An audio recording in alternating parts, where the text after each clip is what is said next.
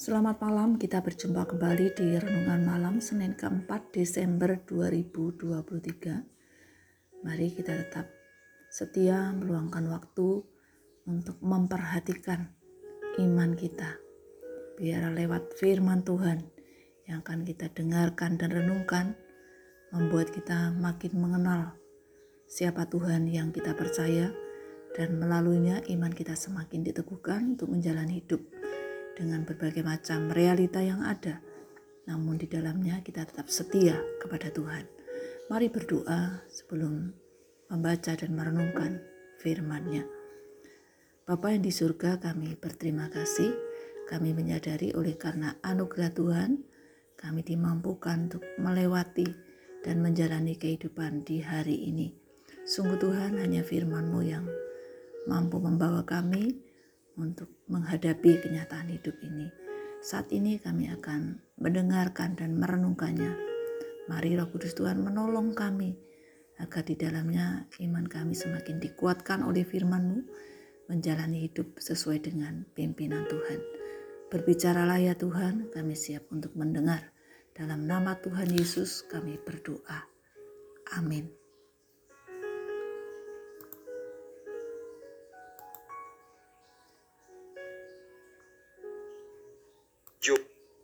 Yohanes pasal 16 Semuanya ini kukatakan kepadamu, supaya kamu jangan kecewa dan menolak aku. Kamu akan dikucilkan, bahkan akan datang saatnya bahwa setiap orang yang membunuh kamu akan menyangka bahwa ia berbuat bakti bagi Allah. Mereka akan berbuat demikian karena mereka tidak mengenal baik Bapa maupun aku. Tetapi semuanya ini kukatakan kepadamu, supaya apabila datang saatnya, kamu ingat bahwa aku telah mengatakannya kepadamu.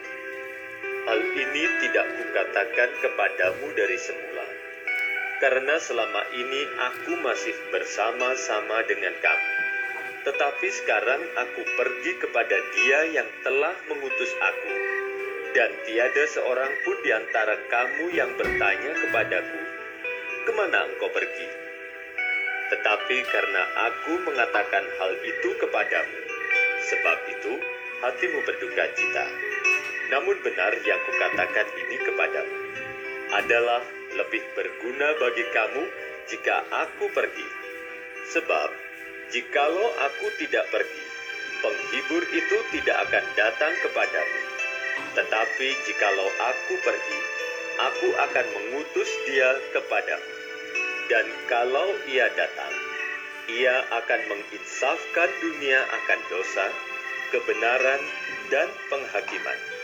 Akan dosa, karena mereka tetap tidak percaya kepadaku. Akan kebenaran, karena aku pergi kepada Bapa dan kamu tidak melihat aku lagi. Akan penghakiman, karena penguasa dunia ini telah dihukum. Masih banyak hal yang harus kukatakan kepadamu, tetapi sekarang kamu belum dapat menanggungnya.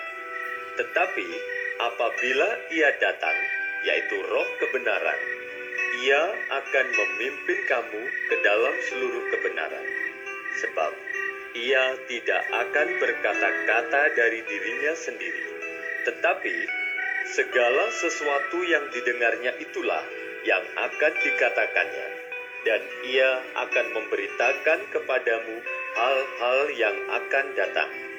Ia akan memuliakan Aku, sebab ia akan memberitakan kepadamu apa yang diterimanya daripadaku. Segala sesuatu yang Bapa punya adalah aku punya. Sebab itu, aku berkata, ia akan memberitakan kepadamu apa yang diterimanya daripadaku. Tinggal sesaat saja, dan kamu tidak melihat aku lagi.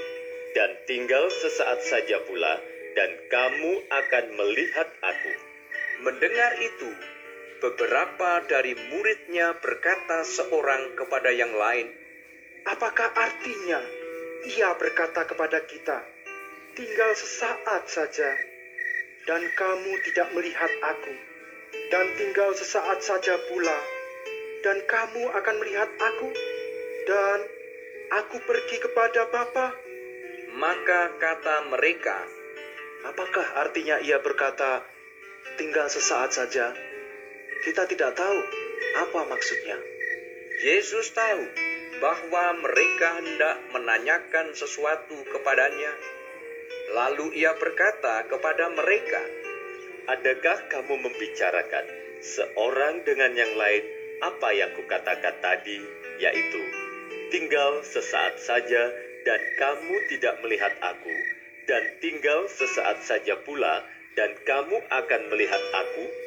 Aku berkata kepadamu, sesungguhnya kamu akan menangis dan meratap, tetapi dunia akan bergembira. Kamu akan berduka cita, tetapi duka citamu akan berubah menjadi sukacita. Seorang perempuan berduka cita pada saat ia melahirkan, tetapi sesudah ia melahirkan anaknya, ia tidak ingat lagi akan penderitaannya, karena kegembiraan bahwa seorang manusia telah dilahirkan ke dunia.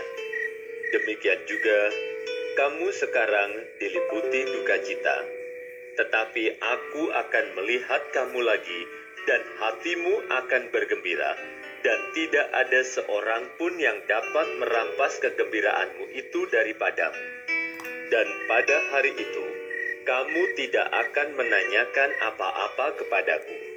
Aku berkata kepadamu, sesungguhnya segala sesuatu yang kamu minta kepada Bapa akan diberikannya kepadamu dalam namaku. Sampai sekarang, kamu belum meminta sesuatu pun dalam namaku. Mintalah, maka kamu akan menerima, supaya penuhlah sukacitamu. Semuanya ini kukatakan kepadamu dengan kiasan. Akan tiba saatnya aku tidak lagi berkata-kata kepadamu dengan kiasan, tetapi terus terang memberitakan Bapa kepadamu. Pada hari itu, kamu akan berdoa dalam namaku. Dan tidak aku katakan kepadamu bahwa aku meminta bagimu kepada Bapa, sebab Bapa sendiri mengasihi kamu, karena kamu telah mengasihi aku dan percaya bahwa aku datang dari Allah. Aku datang dari Bapa dan aku datang ke dalam dunia. Aku meninggalkan dunia pula dan pergi kepada Bapa. kata murid-muridnya, Lihat, sekarang engkau terus terang berkata-kata dan engkau tidak memakai kiasan. Sekarang kami tahu bahwa engkau mengetahui segala sesuatu dan tidak perlu orang bertanya kepadamu. Karena itu kami percaya bahwa engkau datang dari Allah. jawab Yesus kepada mereka, Percayakah kamu sekarang? Lihat, saatnya datang, bahkan sudah datang, bahwa kamu dicerai beraikan masing-masing ke tempatnya sendiri, dan kamu meninggalkan aku seorang diri. Namun aku tidak seorang diri, sebab Bapa menyertai aku. Semuanya itu kukatakan kepadamu, supaya kamu beroleh damai sejahtera dalam aku. Dalam dunia kamu menderita penganiayaan, tetapi kuatkanlah hatimu. Aku telah mengalahkan dunia. Manusia akan binasa oleh dosa. Mereka berada di bawah murka Allah dan tidak mampu, bahkan tidak mau datang kepada Kristus. Tetapi anehnya, mereka tidak menyadari bahwa ke- keadaan mereka itu sangat menyedihkan. Roh Kudus menyadarkan kesalahan mereka di hadapan Allah. Kesempurnaan Sang Juru Selamat Yesus Kristus menyatakan bahwa penghakiman Allah atas dunia yang jahat telah dimulai dalam kemenangan Kristus mengalahkan kuasa iblis. Mari kita renungkan bagaimana seharusnya kebenaran ini memotivasi dan menuntun kita untuk berdoa, memohon pertolongan Roh Kudus, menyatakan kebenaran di dalam hidup kita. Roh kebenaran akan membawa kita kepada kemuliaan Kristus, sehingga kita dapat melihat bahwa seluruh kemenuhan Bapa ada di dalam Kristus untuk kepentingan setiap orang percaya. Seberapa sering kita berdoa untuk karya Roh Kudus di dalam kehidupan orang percaya? Bagaimana supaya menjadi lebih sungguh-sungguh berdoa untuk sesama umat Tuhan? kehidupan orang-orang percaya sering kali kelihatan seperti membingungkan antara kesedihan dan kedamaian, antara ketakutan dan keberanian. Mengapa demikian?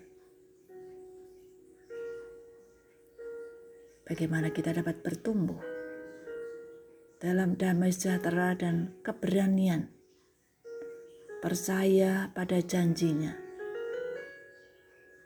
yang mengatakan, "Aku telah mengalahkan dunia." Tuhan menolong kita semuanya agar menyadari bahwa roh kebenaran itu menolong kita, membawa kita untuk memahami kebenaran dan hidup di dalam kebenaran. Mari kita berdoa. Bapa yang di surga, kami menyadari bahwa kami orang-orang yang berdosa ini sangat memerlukan kebenaran di dalam Kristus. Mampukan kami Tuhan, sungguh-sungguh mentaati apa yang Tuhan firmankan. Kami dapat mensyukuri bahwa Engkau datang ke dalam dunia ini memberikan damai sejahtera, dan kami dimampukan bukan hanya menerima damai sejahtera Tuhan, tetapi kami juga merasakan damai sejahtera itu ketika kami hidup dalam kebenaran teguhkan dan kuatkan iman kami untuk berjalan dalam kebenaran yang Engkau tetapkan. Pakailah kehidupan kami, memberikan kesaksian hidup yang benar, teladan yang baik pada sesama kami. Dalam nama Tuhan Yesus, kami bersyukur, berdoa. Amin. Bapak Ibu sekalian, selamat malam, selamat beristirahat. Tuhan Yesus memberkati. Amin.